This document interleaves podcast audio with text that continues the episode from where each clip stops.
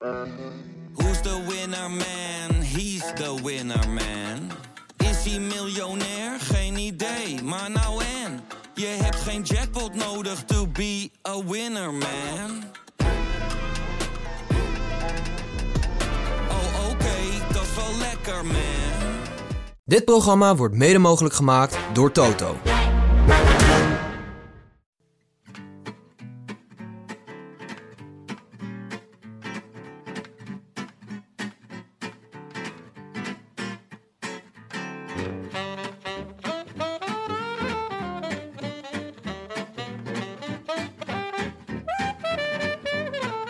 Is zondagavond 14 maart 2021 en vanaf het wereldwijde web is dit de Rode Lantaarn.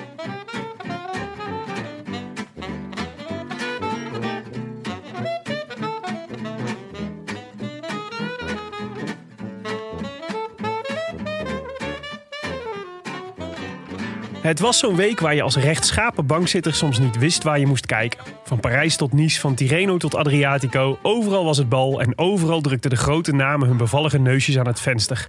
In naam van Van Aert, Alaphilippe en Van der Poel Amen reden we de eerste etappes in Italië, waarna Poggy Boy wel zin bleek te hebben om zich te voegen bij een heilig kwartet. Ondertussen ontstak Turbo Primos dag na dag het vuur in de regio Nice. Blies in de laatste meters van de zaterdagkoers de wielerdroom van Gino het voorprogramma medig in duizend stukjes. En liet vervolgens een koersdebat ontbranden over nut en noodzaak van elkaar en een andere ploeg iets gunnen in de koers.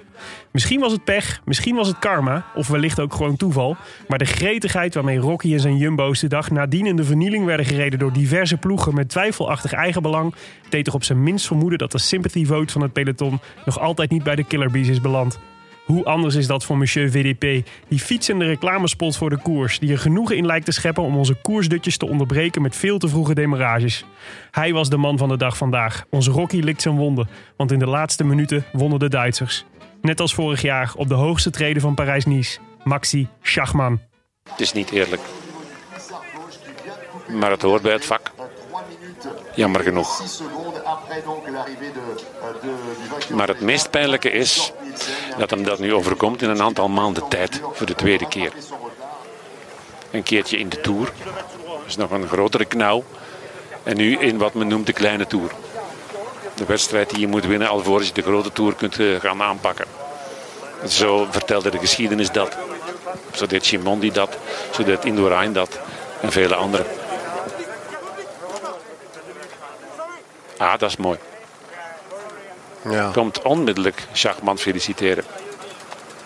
En dan toch maar het isolement opzoeken. Bij wijze van troost wint hier wel drie etappes. Drie etappes. I wish I could be in the south of France. In the south of France. Sitting right next to you.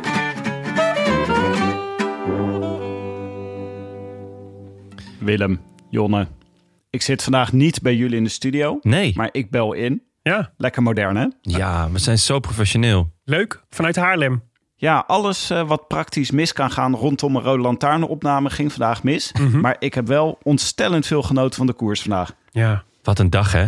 Het was eh, te veel om naar te kijken eigenlijk. Ja, iemand appte mij net dat hij eh, totaal uitgeput op de bank lag. omdat hij uitgeput was van het bankliggen. Van Ja, dat wat er dus ik. vandaag gebeurd was. Ja, en dus het gebrek aan koersdutjes. Ja, Want dat is er tegenwoordig ook niet meer bij. ja. Die van de Poel die gaat gewoon eh, veel te vroeg aan. Waar, waar is de tijd gebleven dat, ze, dat er gewoon netjes gewerd, gewacht werd tot de 30 kilometer ge- gepasseerd was? Ja, maar het is niet alleen dat. Het is ook gewoon dat die koersen tegenwoordig, omdat ze tegelijk gereden worden, niet duidelijk is wanneer welke finisht. Dus je moet de hele tijd opletten. ja dat eh, vond ik met name door de week was dat heel slecht geregeld. Ja. Eh, meestal was er wel een eh, soort van afstemming van nou de Tirreno wat later dacht ik dan Parijs-Nice. Mhm.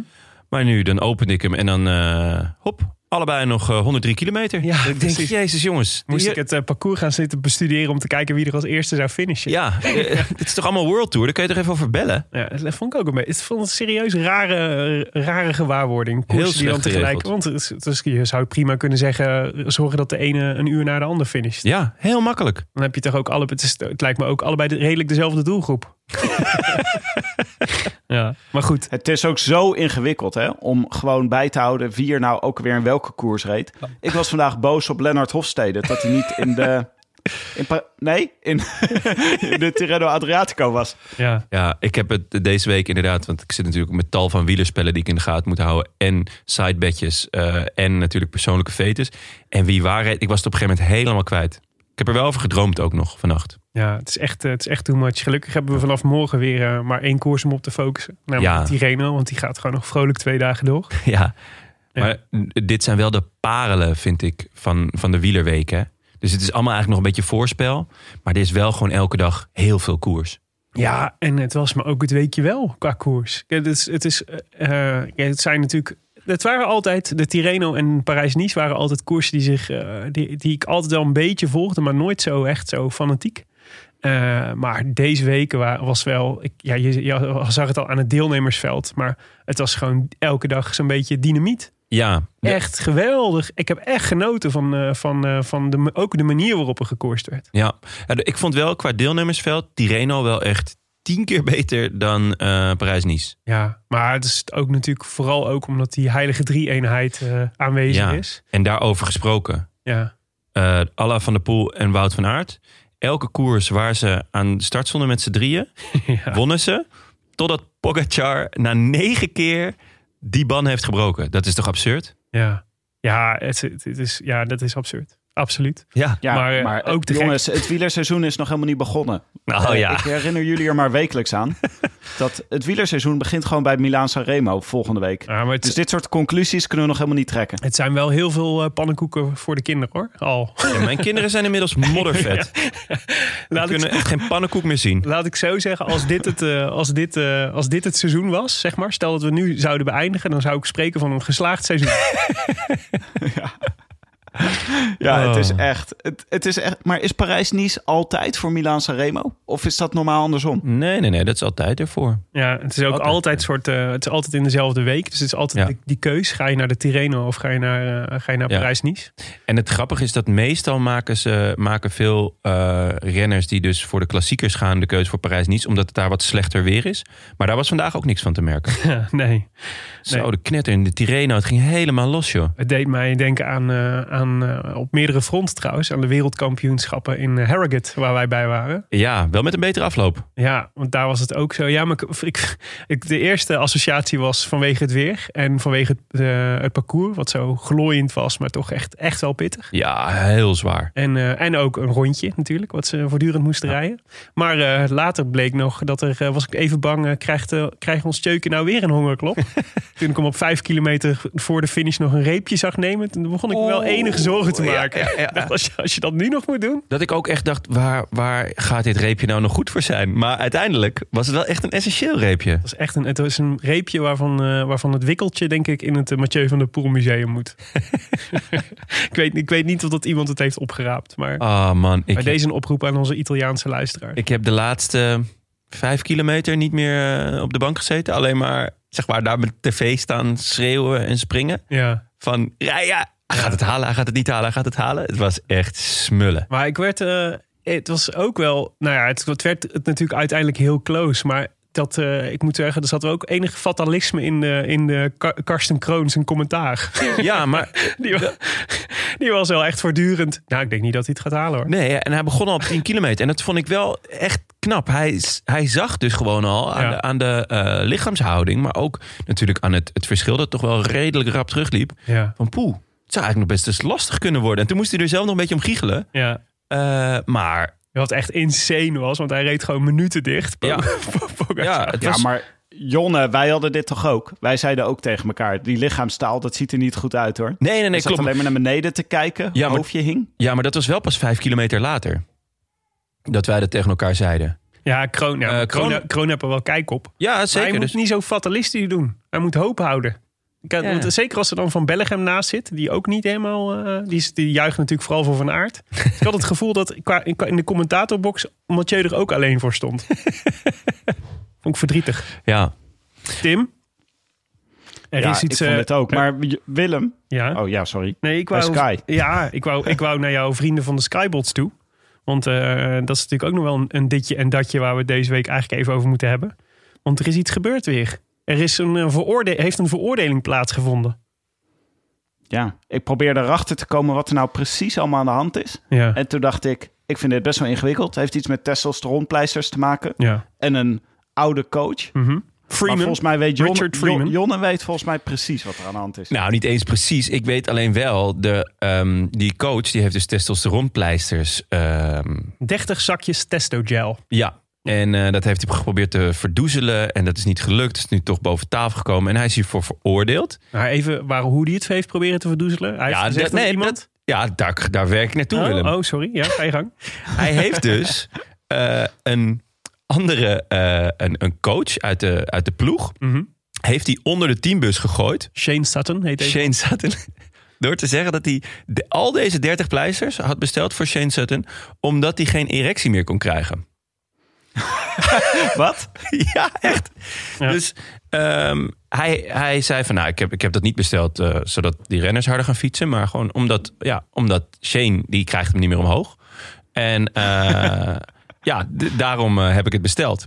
Wat op zich sympathiek is, als het zou zo zijn. Zeker, maar Shane was daar niet over te spreken. Nee, die heeft ontkend dat Die, dit zo die was. heeft ontkend en die heeft zijn dochtertje ook als bewijs aangevoerd. Van nou, het, het werkt allemaal nog.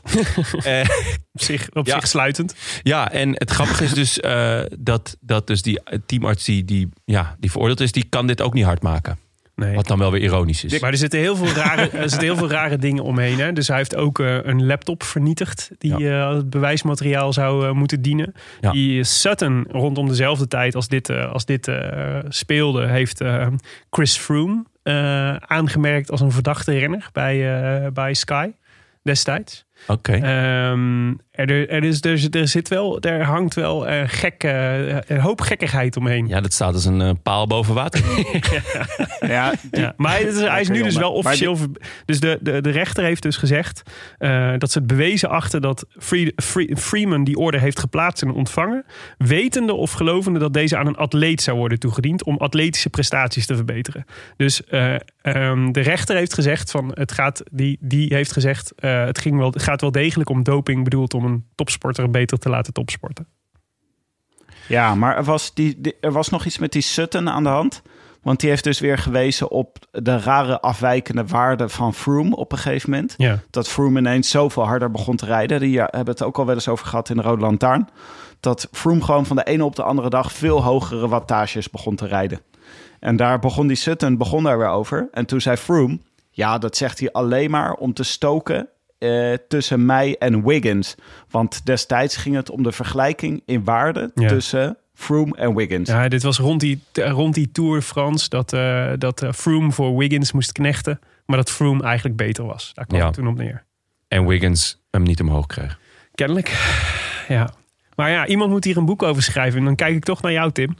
Ja, Ja. ja, nee, dat lijkt me wel een goeie. Maar sowieso, gewoon om dit te kunnen volgen, wordt, wordt ook gewoon super ingewikkeld. Dus ik kies er gewoon voor om, eh, om ervan uit te gaan dat Sky gewoon eh, doping heeft gebruikt. Lijkt me makkelijker. Oké. nou, Nou, helder. prima conclusie. Hey, ehm, ge- gehonoreerde verzoeken tot, eh, tot rectificaties. We hadden er een paar. Eh, ten eerste, Philip Walsleben. Schitterende naam. Schitterende naam. Geen MTB'er, zoals ik zei. Maar een veldrijder. Ja. En niet zomaar één. Want eh, eh, zesvoudig Duits kampioen. Wereldkampioen bij de onder 23. Dus hij kon, er, hij kon er ook nog aardig wat van. Ja. Geen idee waar ik dat mountainbiken vandaan had. Zo zat hij in mijn hoofd. Ja, nou, maar nu staat hij, eh, zit hij in mijn hoofd als veldrijder. Ja, dat is mooi. Eh, onder andere Chris en Sjoerd ter Haag wezen ons daarop. Maar die waren zeker niet de enige. Nee. Jij maar had ook Willem, nog een... jij meende toch een mountainbike tred te herkennen bij hem? Ja, die meende ik te herkennen, ja. Maar misschien heeft hij dat dus in dat zijn is meer een veldrijden ook. veldrijdtred. Nou, misschien is het gewoon een, een, een veldrijder met een mountainbike tred. dat kan gewoon. Fair enough. kan zeker, Ja. ja. Ja. ja. ja. ik, had ook, eh, ik kreeg het ook voor me kiezen van meerdere kanten. Ja, dat je historie niet kent.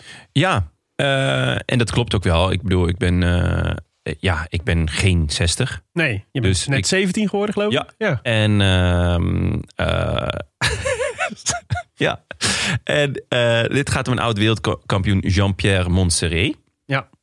En ik heb denk ik de naam verkeerd uitgesproken, maar ik had ook gezegd, het ging over de grote prijs Jean-Pierre Montserrat. Mhm. En daarover had ik gezegd dat het niet zo'n grote prijs was. En dat klopt ook, want het is de laagst gecategoriseerde eh, het is een 1.1 koers. En daar doelde ik op. Mhm. Maar ja, ik kreeg dus eh, alle, alle wielren dinosaurussen over me heen. Ja. Eh, wat eh, prima is. Maar het gaat dus over eh, de veel te vroeg overleden Jean-Pierre Montserrat. Die als wereldkampioen eh, overleed. Eh, hij werd aangereden, volgens mij tijdens een kermiskoers, door Ja. een, door een eh, tegemoetkomend busje. Echt een heel tragisch Een verhaal. zwarte Mercedes. Een zwarte Mercedes, ja. En, en later ook nog zijn zoontje toen hij aan het trainen was. Dat vond ik helemaal droevig. Ja. En er is een schitterende eh Belga sportdocumentaire... die ik eh, iedereen inmiddels eh, van harte kan aanraden. Ja. Hierover. Het verdrietige van het zoon vond ik echt een verdrietig detail van, Ja. van het zoontje. Dat, dat, dus die heeft dus ook een verkeersongeluk gehad. Ja. En die kreeg het verkeersongeluk terwijl hij in de wereldkampioentrui van Freddy Maartens reed. Die hij Ja. had gekregen als soort eerbetoon aan zijn vader. Ja, heel... Giovanni Oh. Montserrat heette die. Ja, Ja. echt heel verdrietig. Maar goed, eh, dat was eh, 1971 Ja. gebeurde dit allemaal. Maar eh, er was ook, eh, nou ja, ja, het is niet echt... zeggen, er is ook vreugdevolle nieuws. Ja, zeker. Maar goed, eh, eh, een gebeurtenis uit 1970 zullen we maar niet meer als nieuws, eh, als nieuws aanduiden. Ouds, ouds. Er was ook iets vreugdevols in onze Hebben we nog leuk ouds? Ja, in onze, in onze, in onze Insta-post. Tim? Ja, eh, wij hebben het er natuurlijk regelmatig over dat er vrijwel geen kinderen geboren worden in de wereld die Jon heten. Te weinig. En dat betreurt ons gewoon, want het is toch een hele leuke naam. Het is gewoon een beetje een gekke naam, maar ja, het zou toch leuk zijn als het vaker Je voorkwam. bent zelf een beetje Zo een gekke er- naam. We waren vorige week natuurlijk super teleurgesteld dat er een, wel een baby geboren was, maar dat die Marit heette. Ja, echt een gemiste kans. Gemiste kans om deze baby Jonne te noemen. Eh, en nu kregen we een berichtje van Clemens de Bruin. Die zei, omdat we niet alle baby's Jonne kunnen noemen, maar allicht zeker wel een paar, is zes maanden geleden onze zoon Jonne geboren. Niet geheel toevallig geïnspireerd op een zekere podcast-host die lekker lult over wielrennen. Leuk. Ah, jongens. Wie zouden ze bedoelen? Ik ben ook benieuwd. Ja. Volgens mij is dit nummer vijf. Ja man, echt veel. Ik, ik ga nou gewoon een heel... Ik ga misschien... Later kan ik gewoon een heel Ja, wielerteam met Jonnes. Het, is ook, eh, het voelt ook heel erg als een naam van nu. Ik snap niet dat hij niet in de top 10 staat van babynamen. Nee, ja, maar dat kan niet lang meer duren. Nee, eh, zeker met dit tempo. en Met, eh, Ja. met, met onze productieve luisteraars. En ik heb eigenlijk nog nooit een vervelende Jonne ontmoet. Mm. Eigenlijk allemaal verdettes. Ik eigenlijk maar eentje. Maar eh Jonne de Bruin, gefeliciteerd. Ja, leuk. Welkom in de Leuk dat wereld. je er bent. Ja, ik hoop dat je, er veel, dat je maar veel koers mag kijken samen met je vader en je moeder. Hey, ehm, wij, eh, ja, we konden deze week eigenlijk een beetje kiezen. Hè? De Tirreno of Parijs-Nice. En we hadden vorige week gezegd van we we gaan eh, Parijs-Nice bespreken. Ja. Tirreno hebben we het net natuurlijk al een klein beetje over gehad. Dus laten we nu even focussen op, eh, op Parijs-Nice. De koers Hebben we de goede gekozen, Willem? Nou, ze waren... ja. Nou ja, die van vandaag hadden we het over die koers van vandaag. Dat was een soort klassieker in één dag, volgens mij. Van eh, Van, van de Poel. Maar ik moet zeggen, Parijs-Nice heb ik ook wel eh, aardig, wat, eh, aardig wat mooie momenten gezien hoor. En bijzondere, bijzondere eh, momenten met, denk ik, voorspellende waarde voor de rest van het seizoen. Dus dat is ook wel interessant om even over te hebben. Maar de, wij hadden dus voor Parijs-Nice. Dus de 79ste editie was het. Ehm, met ehm, ja, een koers, koers van een week. eh, met tijdrit, heuvelrace, sprints. eh, de koning, koninginnen-etappe van gisteren. Met een eh, hele lange slotklim. En vandaag een, een race in de heuvels rondom Nice. Ja. En ehm, ja, eerst maar eens, want het was natuurlijk een, eh, een, een week eh, met, eh, waar, het, waar het elke dag feest was. Ehm, wat, is jullie, wat is nou jullie het meest opgevallen deze week? Wat is iets waar, wat je is bijgebleven? Ehm, nou, ik vond Stefan Biesiger, de, die de tijdrit won. Ja. Sowieso vond ik een, een buitengewoon vermakelijke tijdrit. Hij, er gebeurde zo ontzettend veel. Normaal gesproken is de tijdrit ja, wel, ik vind het een heel vet onderdeel. Alleen om te kijken niet heel spectaculair. Maar ehm, eigenlijk kwam eh Rowan Dennis met vrij snel eh, met een goede tijd. En waarvan iedereen dacht, nou, hm, dat, dat zal hem wel worden. Ja. Nou, toen kwam vriend van de show, Dylan van Baarle. Die die tijd zo goed als Evenaarde wel echt een fractie van een seconde nog langzamer was. Maar Super knappe tijd. ja, en toen Søren Kragh Andersen, waar, waar, waar ik heel benieuwd naar ben dit seizoen, hoe, hoe of wat hij gaat doen. eh, die, die dook eronder. Toen dacht iedereen wel, nou, dan zal dat hem wel zijn. Mhm. Toen ging Roglic eronder nog. Toen ging Cavagna daar weer onder. En toen dacht iedereen, nou, en nu is het toch wel gedaan. Ja. En toen kwam Stefan Biesegger uit Zwitserland. Een du- Een duveltje uit een doosje. Ja, en hij was al tweede in eh, de UA Emirates Tour. Ja. Achter Filippo Ganna, natuurlijk het tijdrit eh, wonder, tijdrit spektakel moet ik eigenlijk wel zeggen. Mhm. Want wat een mooie man is dat en wat zit hij schitterend op zijn fiets. Maar ja, die Bietseger, hij is vrij jong. Eh, was in de jeugd altijd achter... ehm, 22. ja, eh, zat hij altijd met de tijdrijden achter eh, dat andere gi- gigantisch talent Mikkel Bjerg. En nu, ja, steekt hij zijn neus aan het vinden. En ik ben echt heel erg benieuwd. Hebben ze, krijgen ze in Zwitserland verdomme ook een gouden generatie? Nou ja, ze, qua tijdrijden hebben ze natuurlijk altijd kanselaren gehad. Ja. Dus dan heb je wel een soort van automatisch zo'n cultuur. Ja. Weet je wel? Dat, je, dat je daar goed in bent. Of, of dat mensen, dat eh, Dat jongeren... erin die- geïnvesteerd wordt. ja, en dat jongeren het gewoon ook vet vinden. Dus ja, dat zou, het zou zomaar kunnen. EF Education rijdt hier. Leuke ploeg ook. Ja. Mooi, mooi. Ja, En en wel een een gekke helm. heel gekke helm. Maar ja, het helpt wel hè Willem? Het helpt wel. Het is geen modeshow hè? Kennelijk, ja.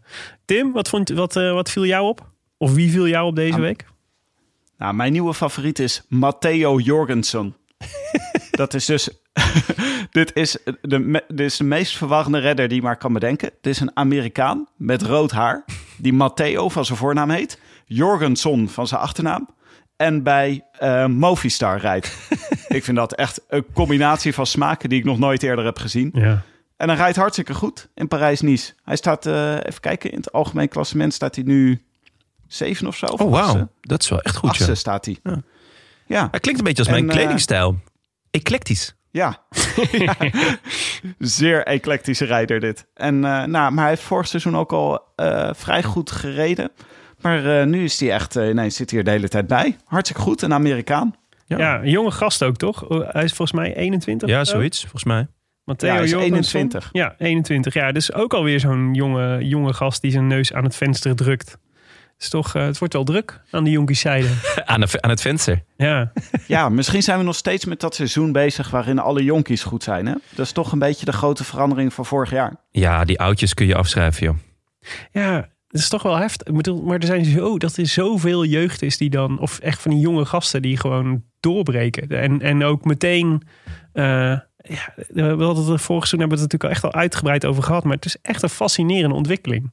Ik Ja. heb dit echt nog nooit zo gezien. Dat dit zo, dat dit zo'n massale generatiewissel is. Nou ja, het, en het werd altijd bij het wielrennen toch wel heel erg gezegd van... nou, je, kan, je wordt pas echt eh, goed als je 8, 29 Ja. bent, want je, je hebt die taaiheid nodig. Ja, en nu blijkt dat ineens helemaal niet zo te zijn. Nee, Eh gek verhaal. geen taaiheid. Je hebt, je hebt juist die soepelheid nodig. Ja, je hebt gewoon frisheid nodig, denk ik. Ja. Ja. Willem, was er nog iets wat jou eh, was opgevallen deze week? Nou, ik was wel heel erg verheugd over, eh, over de sprint van Kees Bol, moet ik zeggen. Dat was eh, de etappe van de tweede etappe. Dus dat was dan maandag, volgens mij. Impressionante. Ja, dat was, eh, dat was, heel, ja, was heel indrukwekkend. Ehm, heel fijn voor hem ook, volgens mij. Want het was, hij was ook, denk ik, super opgelucht. eh, en blij dat het gelukt was. Want ik kan me voorstellen dat hij na de eerste sprints die hij had gereden... in de UAE Tour onder andere... Toen zag het er echt nog niet goed uit. Sterker nog, toen had ik echt het gevoel van... wow, hij is echt, eh, hij is echt nog wel ver van de vorm die hij nodig heeft... om etappes te winnen. Ja, had één vijfde plekje daar. En Ja. dat is, was wel enigszins hoopvol, want eh, wel de top van de top deed daar mee natuurlijk. Hè. En, Dat is en waar. in Parijs-Nice qua sprinten was het ook echt goed bezet. Ja, maar dit is ook dan denk ik de vergelijking met David Dekker... die daar in de UAE Tour natuurlijk trok. Ja. Die eigenlijk echt verraste en, eh, en hem... eh, nou ja, die echt gewoon beter, beter was dan hij.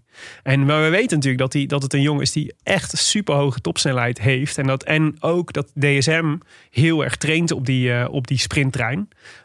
En die liep ook nog niet heel erg goed. Nee.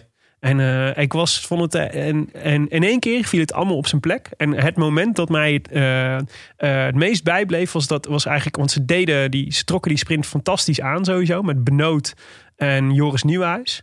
En ehm, in een van de laatste, volgens mij de laatste bocht, dat hij eh, voor, de, voor de, de lange leg- rechte lijn naar de finish, maakte Nieuwhuis eh, in de binnenbocht in één keer ruimte voor Bol, waardoor Bol er voorbij kon schieten. En dat vond ik zo'n klasse move. Zo, ook zo eh, elkaar aanvoelen. En, en daar kon je echt aan zien, het helpt dus echt als je zo'n trein Ja. hebt, Ja. die elkaar heel goed verstaat en snapt. Dus was, eh, dat, die, het was natuurlijk fantastisch hoe hard hij vervolgens aanging. Eh, maar dat hij zijn snelheid zo kon houden eh, in die bocht, zeg maar, was echt ook te danken aan Joris Weet je aan wie, eh aan wie Bol me een beetje doet denken? Nou, Aan een van mijn lievelings uh, Grijpel. Ah, Ook Grijpel had ook altijd een, een is natuurlijk super hoge topsnelheid. Echt Ja. een, een, een machtige sprinter. ja. Maar die had ook altijd wel een beetje ruimte nodig. En een, wel een, een, een trein die hem goed loodste. Ja. En dan sprintte hij ook altijd heel ver, dus heel clean, rechtdoor. Ja. En, maar als hij eenmaal op gang was, dan, ja, dan wist je ook gewoon, oké, die is vertrokken. Ja. En eh, ja, hij- ja, die vergelijking zie ik wel. ik, ik, zag, ik zag deze overwinning, ik dacht, oeh, Ja, maar het was ook echt machtsvertoon. Ja. Want het was echt, Ja. eh, hij had echt eh, hele hoge snelheid kletsen die echt eroverheen. Hij had er gewoon, nou, ja, als een sprinter de tijd heeft om eh, beide armen in de lucht te steken, zeg maar, dan weet je dat er, eh, ja, ja. dat er genoeg ruimte was. Ja, dat vond ik heel maar tof. even ter, ter verdediging van Grijpel. Die wordt eh, even in de verleden tijd besproken. Maar die rijdt ook gewoon mee hè, in Parijs-Nice. Ja. Die was gewoon keurig 59ste in deze etappe. Ja. De- vandaag? Of eh, die, die etappe?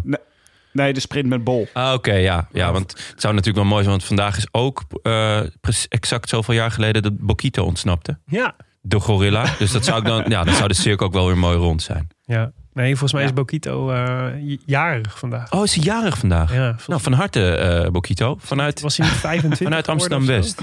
25? Laat me dit even researchen. Ja hoor, Gorilla Bokito, 25 jaar, in, eh 25 jaar geworden in Diergaarde Blijdorp. Nou, fantastisch. Nou, en er dat, er was even een moment dat we dachten dat hij dat niet zou gaan halen hoor. nee, inmiddels worden apen gewoon doodgeschoten op het moment dat ze ontsnappen. Ja. Volkomen onterecht trouwens. Bokito-protocol. Dit is ergens een mooie metafoor voor hoe zich gisteren gedroeg. Maar daar komen we vast nog op. nou ja, nou ja, dus, dus even eh, wat verder opviel. Twee etappenzegers voor, eh, voor Bennett. Die toch, eh, nou ja, als je het over sprinttreinen hebt. Murkoff is daar toch Ja. echt, eh, dat is, dat is zo'n goede piloot. En Bennett is wel echt ook denk ik de sprinter van het moment. Gewoon. Ja, maar ik denk dat jij en ik ook nog wel een ritje zouden pakken hoor. Met Murkoff als ons eh, lead-out. Waarschijnlijk wel, ja. gewoon gewoon Ja. elastiekje aan zijn zadel. Ja, Ja, dat had, zo, had wel gekund. Ja, en, en verder was het natuurlijk de grote Roglic-show.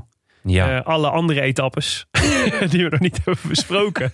zijn namelijk gewonnen Nou. door Primoz Roglic. Behalve- Nee, maar wacht even. Behalve die van we vandaag. kregen natuurlijk... We hadden de eerste, tw- eerste twee eh, etappes waren sprint-etappes. Ja. Daarna kwam de tijdrit. Mhm. En laten we eerlijk zijn, we hadden wel verwacht dat Roglic in de tijdritten al eh, zijn slag zou slaan eigenlijk. Ja, Ja, het- ik vond zijn tijdrit niet slecht. Alleen, ehm, daarom wou ik ook Bissegger er even uitlichten. Die, die was gewoon nog even een tandje beter. En Cavagna ook. Ehm, Ja, maar Cavagna, Roglic en Cavagna... Moet Roglic niet gewoon Cavagna kunnen verslaan in een goede tijdrit? Oeh, Cavagna was tweede toch op het eh, laatste WK tijdrijden? ja, Uit mijn hoofd.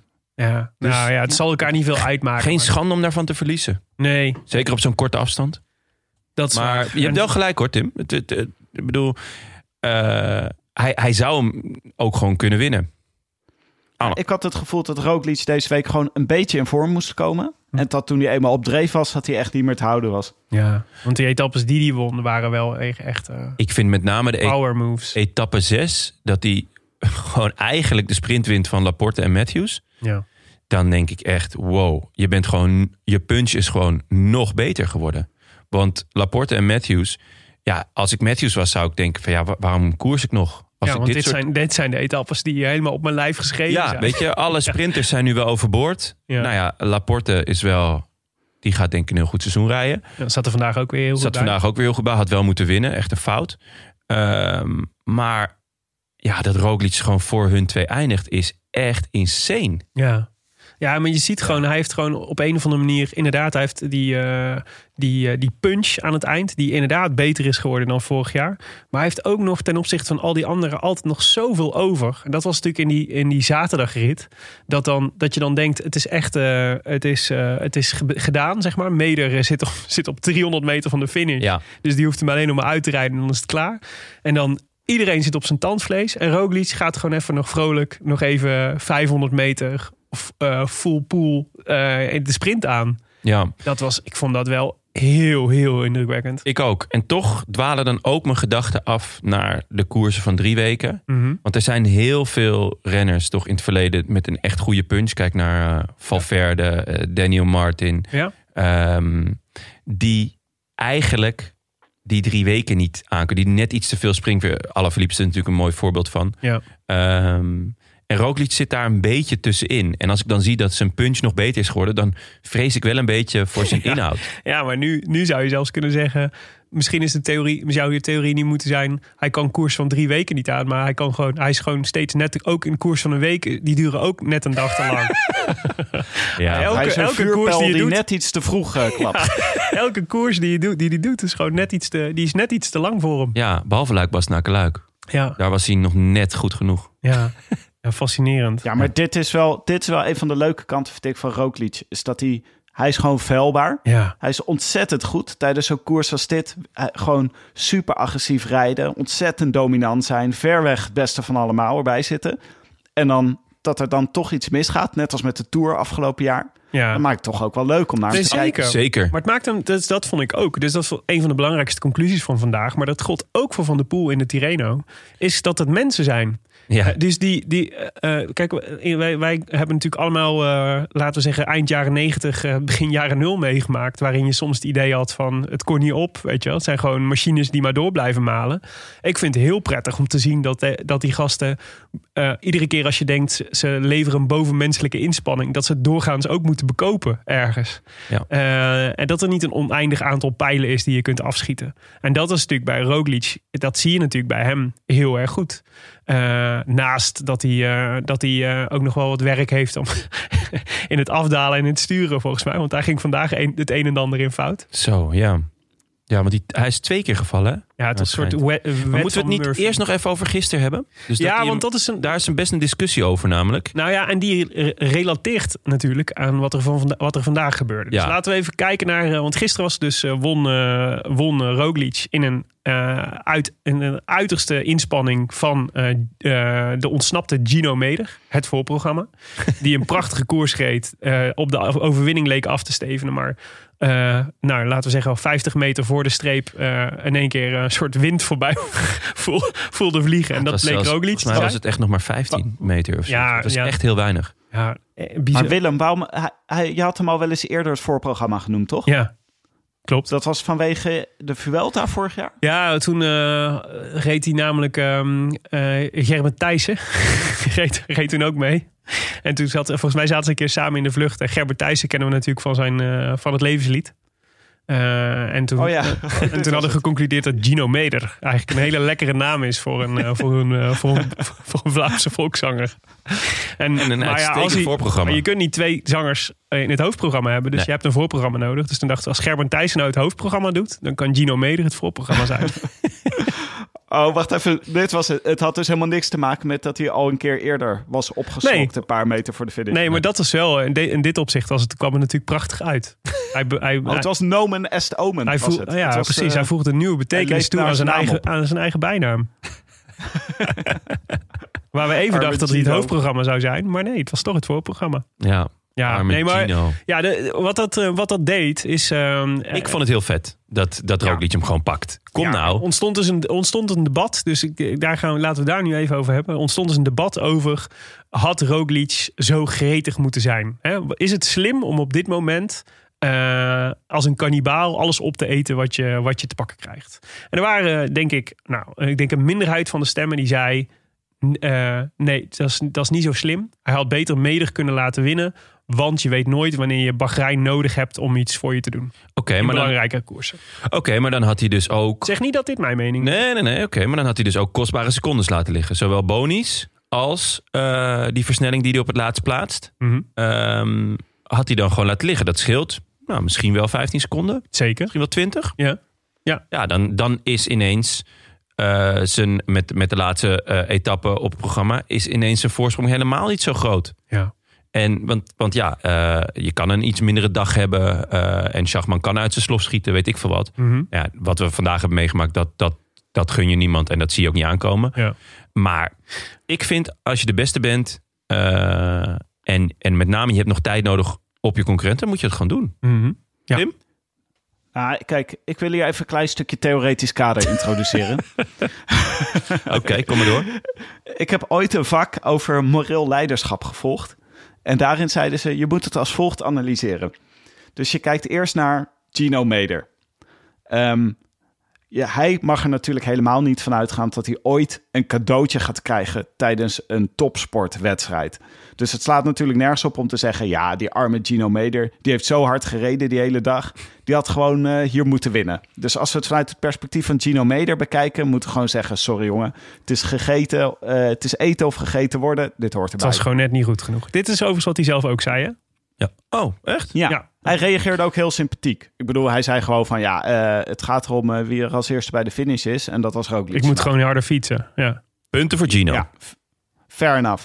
Maar we kunnen het ook even vanuit het perspectief van Roglic bekijken. En dan ehm, gaat mijn gedachte toch wel een beetje terug naar de documentaire over Jumbo en tijdens de Tour. En dat ze er toch op een gegeven moment wel een beetje achter kwamen dat ze misschien eh, een beetje vijanden aan het maken waren doordat ze zo ontzettend macho aan het rijden waren. Ja. Ja. En we hebben wel eens vaker mensen horen zeggen dat de reputatie van Jumbo in de Tourpeloton niet zo goed is. Omdat ze dus gewoon de hele tijd, nou, eh, we noemden het eerder al, een beetje Bokito-gedrag vertonen. Ja. En dat is tijdens deze Pa- Parijs-Nice is dat ook wel weer een beetje zo hoor. De hele tijd op kop rijden, de koers keihard maken. En eh Roglic, eh, die heeft natuurlijk, die had al twee, twee keer rit gewonnen. Hè? Dus die, was al, die zat er al heel erg goed bij. Ja, maar En aan de andere kant... Nu ging hij toch even zijn tegenstander gewoon vernietigen hier op deze berg. Het was niet gewoon. Het was gewoon met de finish in zicht. Echt als een luipaard besprong die gewoon.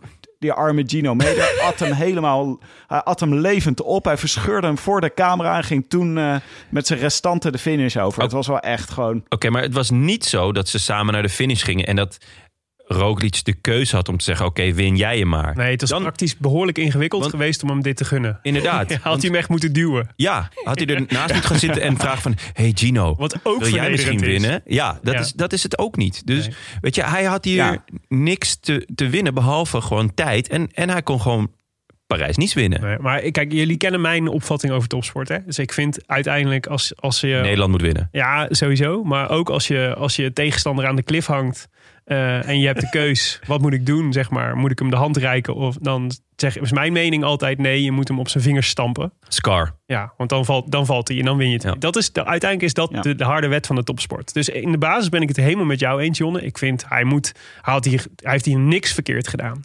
Maar er is natuurlijk een breder probleem, wat Tim volgens mij een beetje aansnijdt. En dat is het imago van Jumbo-Visma in het peloton. Hè? Beetje arrogant, beetje het nieuwe Ineos. Eh wordt toch een beetje naar gekeken als hè, dat ze, nou, ja, volgens mij behoor, ze hebben een beho- behoorlijk negatief imago bij een deel van het, bij een deel van het profpeloton. Bij In de ieder geval- losers. in ieder geval, een deel van het, eh, misschien is negatief imago is te groot uitgedrukt. Maar ik heb het idee dat mensen, Jumbo-Visma, mensen in het peloton, Jumbo-Visma, graag zien verliezen. Ja. Dat is wat Ineos ook altijd had, Ja, toch? Weet je, dat, is waar. dat idee. is waar. En, en wat het... pro- Mooi dat je zegt, ja, ze worden niet gehaat. Maar iedereen ziet ze gewoon graag verliezen. Ja, maar dat is, dat is, Nee, dat is natuurlijk wel... Er is geen hekel aan ze, maar iedereen ziet ze Maar dat is natuurlijk wel een nuanceverschil. En daar heeft Jumbo-Visma wel heel veel last van. En wat je moet doen dus, is denk ik... eh, en dit is, dit is, eh, volgens mij is dat imago is on- ontzettend ingewikkeld om te beïnvloeden. Laat staan om een negatief imago te keren. Dat is wel jouw werk, toch? Ja, maar dus daar probeer eens te helpen. Dus je moet nadenken over wat zijn nou momenten en, eh, en instrumenten om de sympathy vote een beetje terug naar jouw kant te krijgen. En, eh, en dan gaat het in één keer, wordt het een, een groter schaakspel, of 3D chess gaan we dan spelen. waarin je dus ook moet nadenken over wat zijn nou actieve gebaren die wij kunnen maken richting het peloton om dat de aura van arrogantie van ons af te werpen. En dan zou je kunnen zeggen, had je, is, eh, is, eh, had je hier misschien niet, nog steeds dezelfde keus gemaakt. Maar is in dat licht, is, deze, is wat er nu gebeurd is, best wel ongelukkig. Want eigenlijk wat daar gebeurde, was dat het eigenlijk alle negatieve eh, sentimenten rondom Jumbo-Visma nog een keer bekrachtigt. Namelijk hè, de, de, de allesetende ploeg. Terwijl ik het vanuit individueel perspectief van Roglic kan ik het me helemaal voorstellen. Maar vanuit de ploegleiding zou ik toch wel net iets vaker nadenken over wat zijn nou de momenten dat we kunnen proberen om hier een beetje meer sympathie te organiseren. Dus in hindsight zeg jij dat het een heel slimme keuze is vandaag om van Roglic om twee keer zichzelf in de berm te planten. Ja, En ook voor de chicks, want die willen ook wat.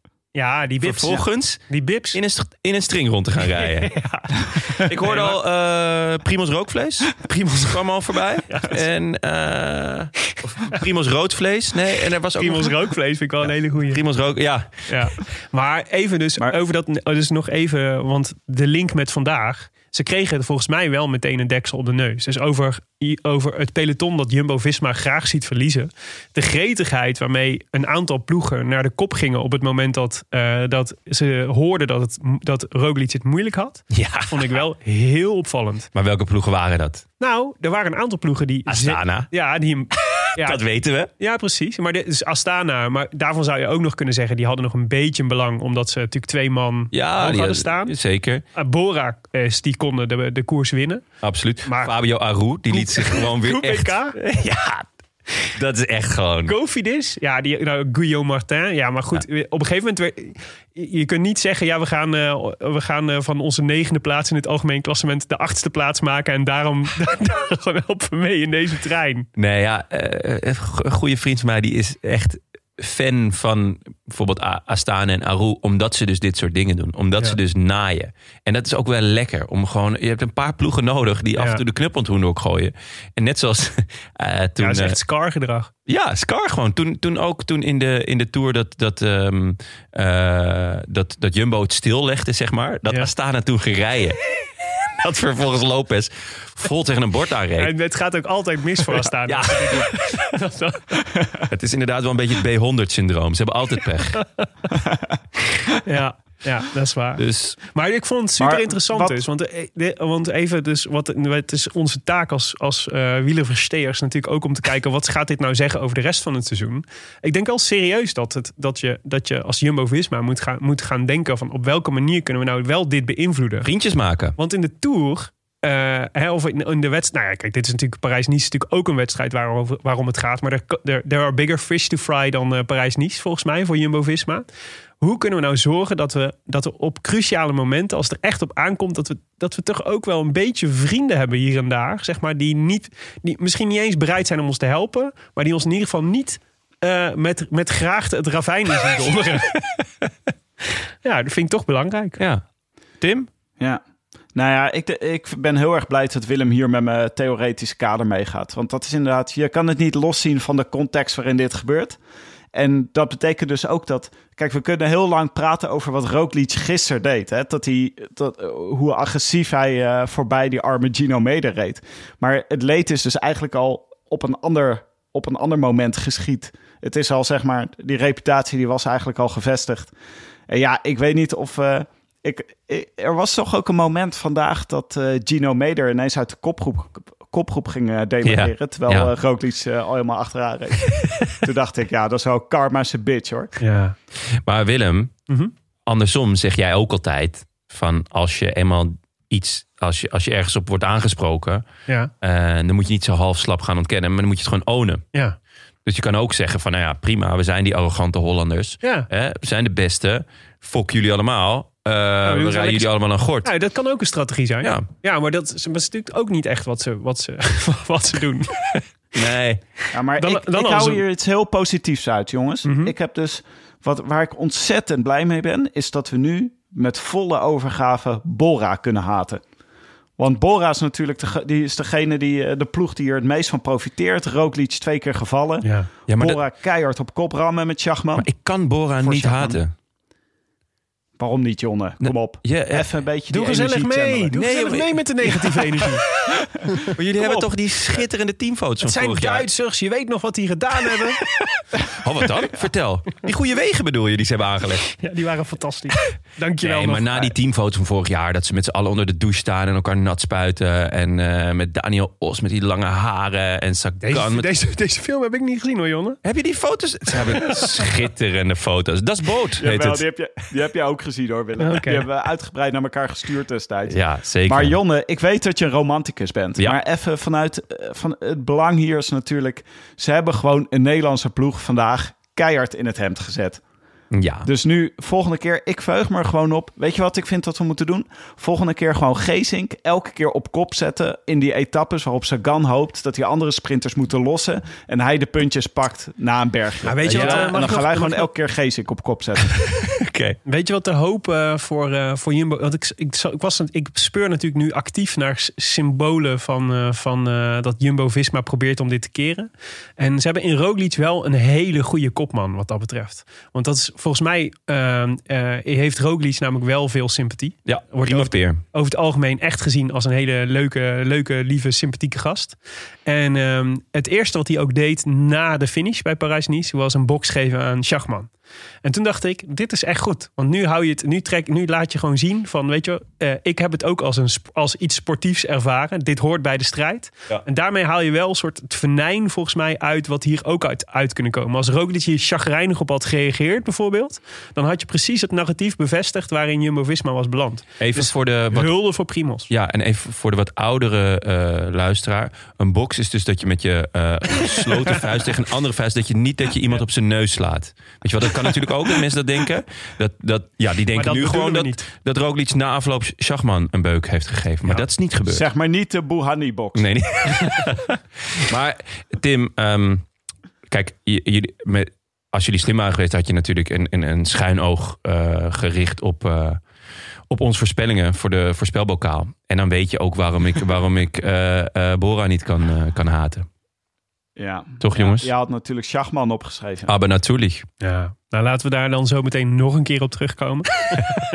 Ik dacht, ik stip het even aan. ja, uiteindelijk wordt, eh, wordt ehm, eh, onze, onze vriend Roglic eh, gaat zelfs uit de top eh, 15, volgens mij. Ik zie hem niet meer terug. Eh, oh, ik dacht dat hij nog net vijftiende stond. Nee, maar dat, dat, niet dus. Dat zou, Nee, dus is hij 16e geworden. oh, dat, dat zou helemaal... Pijnlijk, zijn. Schachman wint dus uiteindelijk voor Vlaasov, Itzagire, Lucas Hamilton. Tisch, vriend van de show, als eerste. Eerste vriend van de show, de vijfde plek. Ja, Nog Roglic, vriend- eh, jawel, hij is vijftiende. We zitten met een verouderde Oh, ding in, het, in het eh, dingetje. Maar ja, Ja, nou ja, als je, als je de dag als eerste begint, dan is 15e niet per se een troostende plek. het is niet waar je voor gaat. Nee. Ehm, een andere vriend van de show, Dylan van Baarle, viel me ook op vandaag. Weer, eh, weer eh, op de voorpost. In de Die gaat tijd goed het zijn, ook wel goed. Die gaat echt, Die gaat goed zijn.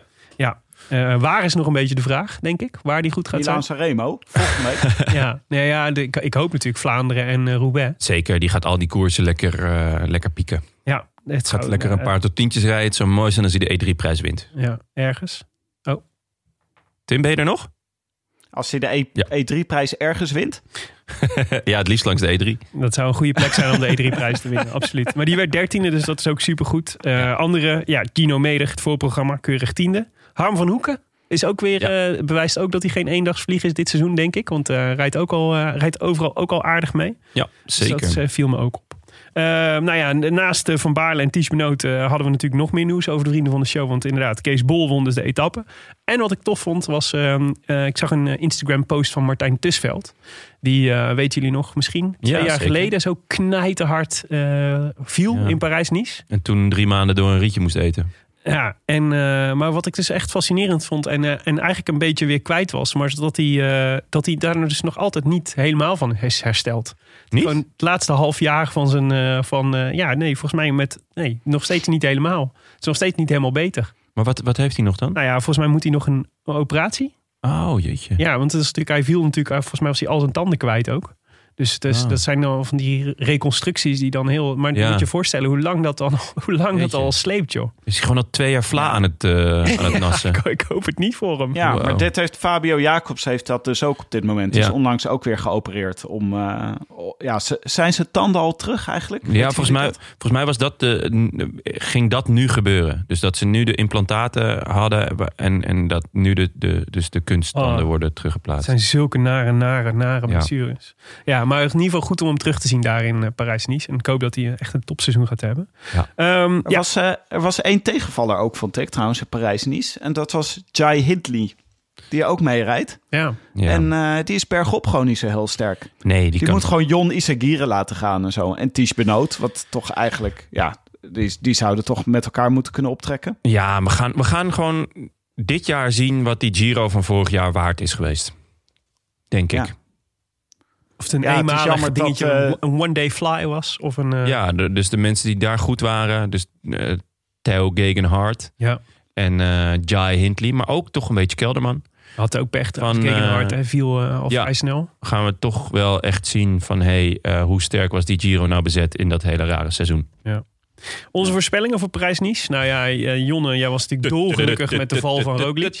De dubbele val. Zeker, ja, die dubbele val. Toen eh, heb ik eh, de champagne opengetrokken. Maxi Jachman. Heb ik besteld op 247champagne.nl. Echt En die goed. kwamen ze binnen 10 minuutjes dat brengen. En hoppa. Je tweede, tweede goede voorspelling voor dit jaar, toch? Ja man, ik ben... Ja, ik, ik weet wel dat ik er kijk op heb.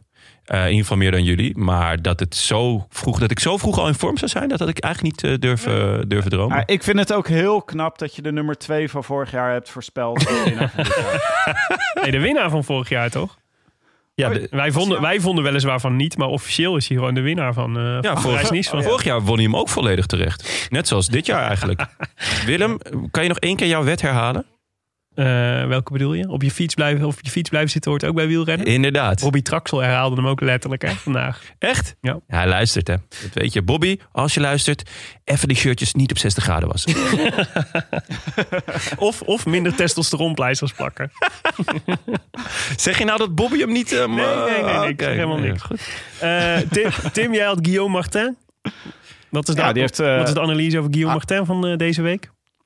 Nou, hij is wel goed gereden. Maar ik vind tot nu toe een beetje met Guillaume Martin... is dat hij de hele tijd... hij- ik heb hem nog nooit een demarage zien plaatsen... waarvan ik denk, daar zit echt wat achter. Overtuiging in. Jullie?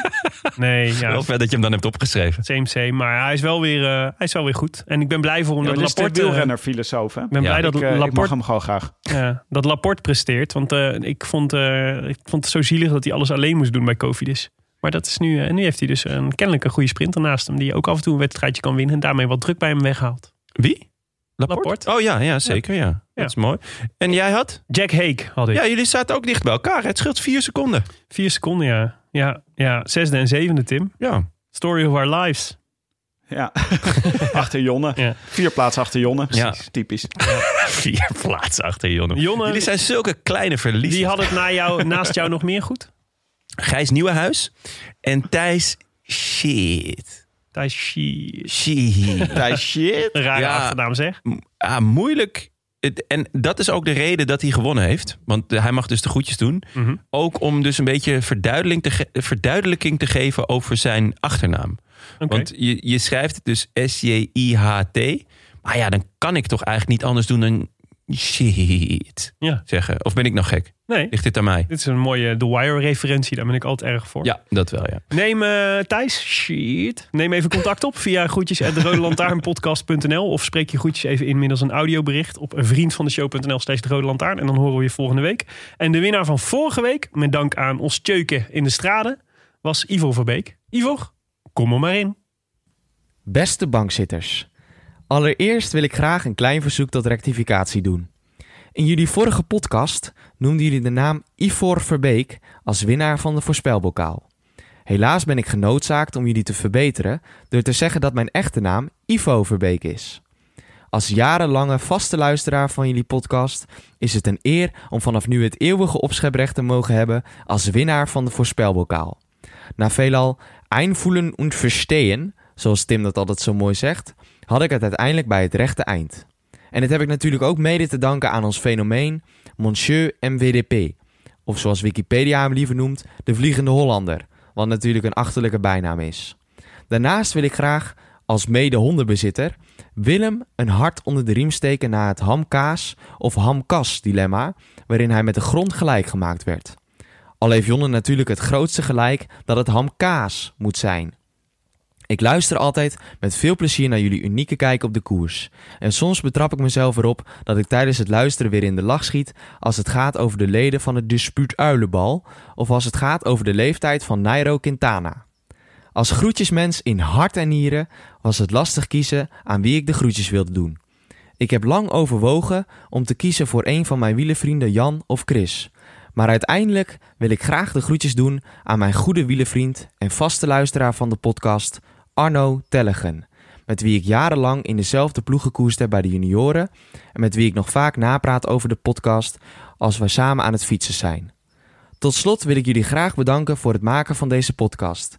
Het is iedere keer weer uitkijken naar de volgende show. Ga zo door en succes! Nou, super bedankt Ivor. Ja, ik...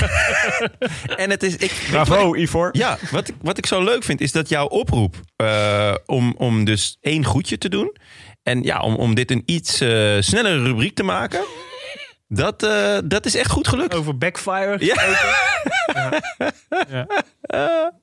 Oh, heerlijk. Ivo verdient eigen podcast. Dat is wel duidelijk. Ja, nee, goed. Misschien dat hij volgende week weer even wat in kan spreken. Je kan namelijk spraakberichten achterlaten, hè, jongens, op vriendvandeshow.nl. Echt zo, leuk. Zo is het. Eh, wij eh, richten onze blik. Nou ja, we hebben nog eh, twee dagjes eh, Tirreno Adriatico te gaan. Ja. Mogen we ervan uitgaan, Jonne, voorspel wonder dat je daar bent, dat Poggy Boy daar de eindzege gaat, met de eindzege gaat lopen? Of voorspel jij nog andere? Nou, als, als hij geen, eh, geen rookworst moves maakt, dan, dan gaat hij hem daar gewoon winnen. Hm. Jammer, want Van Aert heeft wel echt vet gekoerst. Poggi ook hoor trouwens. Maar eh, het leek er wel echt op zo'n secondenstrijd te worden. Maar na vandaag, na deze geniale etappe, eh, gaat dat niet meer eh, gebeuren. We gaan toch voor Poggy. Ja. Oké, ja, dus eh, wij richten onze blik op zaterdag. Eh, aankomende zaterdag het eerste monument van 2021. Milaan Sanremo, La Primavera. Tim, is dit, was dit nou jouw officiële start van de lente? Of van het uh, wielerseizoen? Ja. Ja, fijn ik, dat je eh, aanhaakt. Ik zit nog steeds. ja, precies. Ik begin volgende week pas met leuk te zijn. En dan kom je ook gewoon weer in de studio, toch? Ja, waarschijnlijk wel. Ja, nee. Lekker. 299 kilometer. Een eh, wedstrijd die voor de 112e keer gereden wordt. En natuurlijk eh, bekend vanwege ja, het vermaarde duo Cipressa-Poggio. Eh, ook nu weer in de finale. Eh, en, een, eh, en een super vette afdaling na, na de Poggio. Vijf kilometer lang. Ehm, favorieten volgens de boekies? Ja, na eh, eh, vandaag en vooral denk ik de straden en hoe wat hij laat zien momenteel. Gratis geld, mensen. Gratis geld. Ons Tjeuken, Vier keer. Vier keer je inzet. Eh, korte, op korte, korte afstand gevolgd Wout van Aert, Julian Alaphilippe. En daarachter Bennett, Ballerini, Matthews, Sagan en Ewan. Maar die staan wel echt een stuk daaronder. Ja. Dus, eh, de grote favorieten van de pool van Aert en Alaphilippe. Yes. Die zullen het wel gaan uitmaken. Ehm, dus dan moeten wij eh, misschien iets anders kiezen. Ja, Zo, maar drie quicksteps dus, hè? Volgens de boekies eh, als favorieten. Nou, daar wil Jonne vast eh, iets over zeggen. Nou ja, ik, ga, ik eh, kies een quickstep renner. Ja, het is, het is, een- het is een beetje flauw om eh, nu eh, Mathieu of Van Aert of Alla te doen. Dus ik, ik ga voor eh, Ballerini. Oké. Eh, ik zat ehm eh, Liz Slow met Iljo Keijs te editen afgelopen weekend. Mhm. En Iljo zegt, eh, die zei van Ballerini heeft echt het niveau van, van de Poel en van Aert. daar kan, ik echt, kan hij echt dichtbij komen. Dus ik ben heel Zo. erg benieuwd naar wat Ballerini gaat doen dit, dit voorjaar. Hij heeft natuurlijk al de omloop gewonnen. En ik ben benieuwd ook hoe Alla het gaat spelen.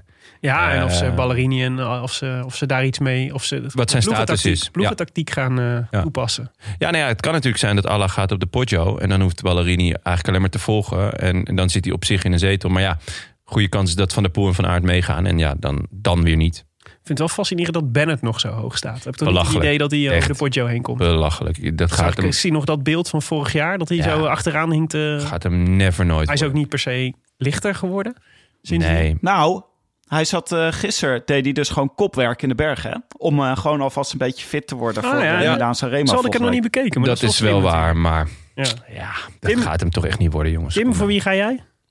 Ik ga voor Arnaud de Maar. Oh, Eh, ja, ik wil niet voor een van die favorieten van de boekies gaan natuurlijk. Maar volgens mij is de Maar een mooie outsider. Die, is, eh, die kan de Poggio wel over. als hij achter een auto hangt vorig jaar wel. was hij heel erg goed. Wat zeg je? Als hij aan een auto hangt wel. Ja. Dan komt hij wel over, ja. Nou, het is natuurlijk na de Poggio is het altijd nog vijf kilometer, geloof ik, of zo. Dat zou net genoeg moeten zijn, weet je wel, voor een peloton om, eh, om iemand in te halen. Alle Philippe of zo. Nou, dan zou dat maar een goede kunnen zijn. Ja, Ja, denk ik ook. Lijkt me leuk. ligt eraan of er ook een jurylid eh meerijdt. Maar we gaan het zien. Echt lullig dit. Ja. Ga, jij, eh, ga jij anders weer iemand van de top drie favorieten opschrijven, Jonne? Ik, eh, ja, ik wou Schachman graag wie heb jij? Weer opschrijven. Hey, Ja. Jonne gaat voor Ballerini dus. Ja. Ja, Ehm, ja ik, eh, ik vind het heel moeilijk om buiten Van de Poel, Van Aert en alle verliep te gaan. Dus dan moeten we toch al gaan denken in wat zijn andere scenario's. Maar het is zo ingewikkeld, want ze moeten echt alle drie eh, niet goed zijn. Wil een van de drie niet echt niet winnen. Nee, ja, je mag natuurlijk ook gewoon eh, van de pool vanuit. Ja, maar dat is het zo flauw. dat is alsnog, alsnog is dat. eh, Dus ik, kan, ik zou dan de meest logische optie zou dan vervolgens zijn, denk ik, dat een, eh, dan het, dat een quickstep renner wint. Maar laat ik dan gaan voor een, eh, voor een outsider en Olly Naassen noemen. Ah, leuk. Ach, dat zou enorm, zou ik echt heel erg leuk vinden. Hij moet toch een keer een is klassieker eens winnen. tweede geworden. Ja, hij is wel eens tweede Hij is geworden. eens, hij, kan- hij zou het moeten kunnen. Maar ja, ook daar geldt voor. Weet je wel, ik zie gewoon, ik zie het wel echt somber in voor iedereen die met eh, Van de Poel, Van Aert en Alaphilippe over de Poggio wil. Want die jongens die gaan daar gewoon zo hard overheen knallen. Ik kan me niet voorstellen dat je dat nog kan volgen. Ja. Dus dan moet je, het moet ergens anders gebeuren. Nou, misschien dan Olly met Greg die dan iets opzetten of eerder durven te gaan. Je weet het niet. Het zou leuk zijn. Oliver Naassen ga ik voor. Als je mee wil doen aan de voorspelbokaal, dan kan dat via vriendvandeshow.nl slash de rode lantaarn. En de winnaar krijgt ook dit seizoen weer eeuwigdurend opscheprecht. En de kans om één iemand de groetjes doen, te doen. Alleen de groetjes, niks anders. Geen bedankjes, geen, eh, geen, geen rectificaties. Eh, volgende keer gaan we die er gewoon uitknippen, Jonne. Want het kan echt niet meer. We zijn, ik heb ook het gevoel dat we mensen te veel aan ruimte geven. We moeten weer even de teugels aanhalen. Even de teugels aanhalen. ja, dat is belangrijk. Oké. Eh, om de nou, kans- dat Tim ook op afstand zit. en ook niet zeg maar iemand niet de groetjes doen. Iemand die je hebt overwogen. Die strategie is ook al te vaak gebruikt. Ja, slim. Gewoon iemand de groetjes doen. Gewoon zeg, ik doe Jonne de groetjes. Dat, zal altijd, dat wordt altijd gewaardeerd. Eh, dat, die, Een van de vijf baby's, hè, niet jou. Ah, Oké. Goed. U luisterde naar eh, De Roland Taarn, de podcast voor wielerkijkers. Gepresenteerd door uw favoriete collega-bankzitters Willem Dudok, Tim de Gier en natuurlijk je boy. Veel dank aan onze sponsoren BBB Cycling, Auto.nl en aan de vrienden van de show. Bijvoorbeeld Olaf Smit, Arne van Nuchteren, Rick Verhoeven, Jos Swinkels en Ruben Tok. En ook Diederik Mouthaan, Brent Meulenberg, Steven van der Rijt, Koen van der Zwet en Chantal Berends. En ook Tom IJzerbaard, Koen Pelen, Lars Heemskerk, Freek van Hoof en Emco Bos. Ja, wil je aan... Schitterende namen weer. Ja. Ja. absoluut. Wil je aansluiten bij dit magische peloton van inmiddels 835 vrienden en zo ook het komend seizoen weer een hoop uren wielerluisterplezier mogelijk maken? Kijk dan even op vriendvandeshow.nl slash de rode lantaarn en doe een donatie. De Roland wordt verder mede mogelijk gemaakt door Dag en Nacht Media en Het is Koers.nl, de allerleukste wielerblog van Nederland en Vlaanderen. Wij danken hen voor de steun op vele fronten en in het bijzonder Bastiaan Gejaar, Maarten Visser, Leon Geuyen en notaris Bas van Eyck. Tevens gediplomeerd brandweerman te Made. Willem, over de brandweermaden gesproken, hebben wij nog een update. Nou, ehm, zaterdag eh, 6 maart, net voor middernacht, werd het brandweerteam verzocht om eh, voor een wateroverlast uit te rukken naar de, markt, naar de Marktstraat in Maden. Dat is de, de hoofdstraat waar heel veel winkels zijn. Heel veel winkels of gewoon zes? Nou, ik zou zeggen 20. Oh, Ja. zo. Ja. Zit er een eh, intersport? Want dat geeft altijd aan of iets een stad is of een middelgrote stad. Nee, dus het, volgens mij bij mij best te weten dus. geen, in, geen een dorp. intersport. Dan ben je nog een dorp. Ja, wel een blokker Ja, die zit overal. en een hele goede worstenbroodjesbakker. Ja, maar dat is ook een beetje het land, toch? Is waar, er zitten zes hele goede worstenbroodjes bij. maar in ieder geval, hier was dus, eh, er was sprake van waterlekkage bij de bovenburen van een winkel. Eh, en, eh, en inderdaad, bleek dus toen, de, toen de brandweer aankwam, stond er een politieagent. Die liet ze binnen en er bleek een enorme laag water te staan in het appartement. En dat gaat natuurlijk lekken bij de onderburen. Dat is Want wel- water ja. zoekt altijd het laagste punt. Dat weten we allemaal. Ja, Dus eh, ja, moest de brandweer moest de boel leegpompen. En, eh, maar ja, het zat boven een elektronicazaak. En jullie weten net zo goed als ik, water en elektronica Dat is geen goede combinatie. zijn geen goede vrienden. Nee, nee, nee. Eh, dus eh, flink wat schade was daar. Oh, Ja. En verder eh, nog geen nieuws over de postduiven. Al werd her en der eh, de afgelopen week onder andere in onze comments de, de suggestie gedaan dat eh, die arme man zelf zijn kooi had opengezet. Om zo roemde de verzekeringspremie te innen. Nee, toch? Wat ze... Dit vind ik onsympathiek van onze luisteraars. Nou, en ook natuurlijk niet heel Wie was logisch. dit? Was dit het ook hele weer die idee- gast die mij laatst had bedreigd? Het hele idee van een postduif is dat hij weer terugkomt. Ja, ik wou net zeggen. Dus je hebt er niet zoveel aan om kooi open te zetten. Je kan het hok wel openzetten, maar inderdaad, die, die blijven terug. Een soort herpes. Ja. Eigenlijk Postduiven zijn, zijn de herpes je- van, de, van de Als je de verzekeringspremie wil innen, dan zijn postduiven niet per se de beste, de, de, de makkelijkste optie. want die postduiven waren verdwenen, toch? Dat was toch het verhaal? Ja, gestolen. Anderhalve ton aan postduiven, Tim. Gestolen. Oh ja, zo was het. Ja, dat is nogal wat. Ehm, als je wil reageren op deze Rode Lantaarn, dat kan dan via vele wegen. Maar we zijn vooral actief op Twitter en Instagram. Eh, je mag echter ook mailen naar groetjes@derodelantaarnpodcast.nl. Aankomende zondag, dan zijn we er weer. Dan blikken we terug op La Primavera Mailand. Mailand? Mailand, de Duitse naam van, eh, voor Milaan. Ik dacht, jij zit helemaal in de Schachman-sfeer. Dus je zal dit wel... Oh, het is heel grenzenloos, La geil. Primavera Mailand. Mooi. Ja, nee, uh, Mailand Sanremo. Eh, daar, hebben ze geen, eh, daar kun je hooguit Duits uitspreken. Is niet een andere naam. Ah, oh, schade. Ja, Mailand Sanremo. Dus eh, jongens, a biento. A biento. A biento. I wish I could be in the south of France. France. In the south of France. Sit right next to you.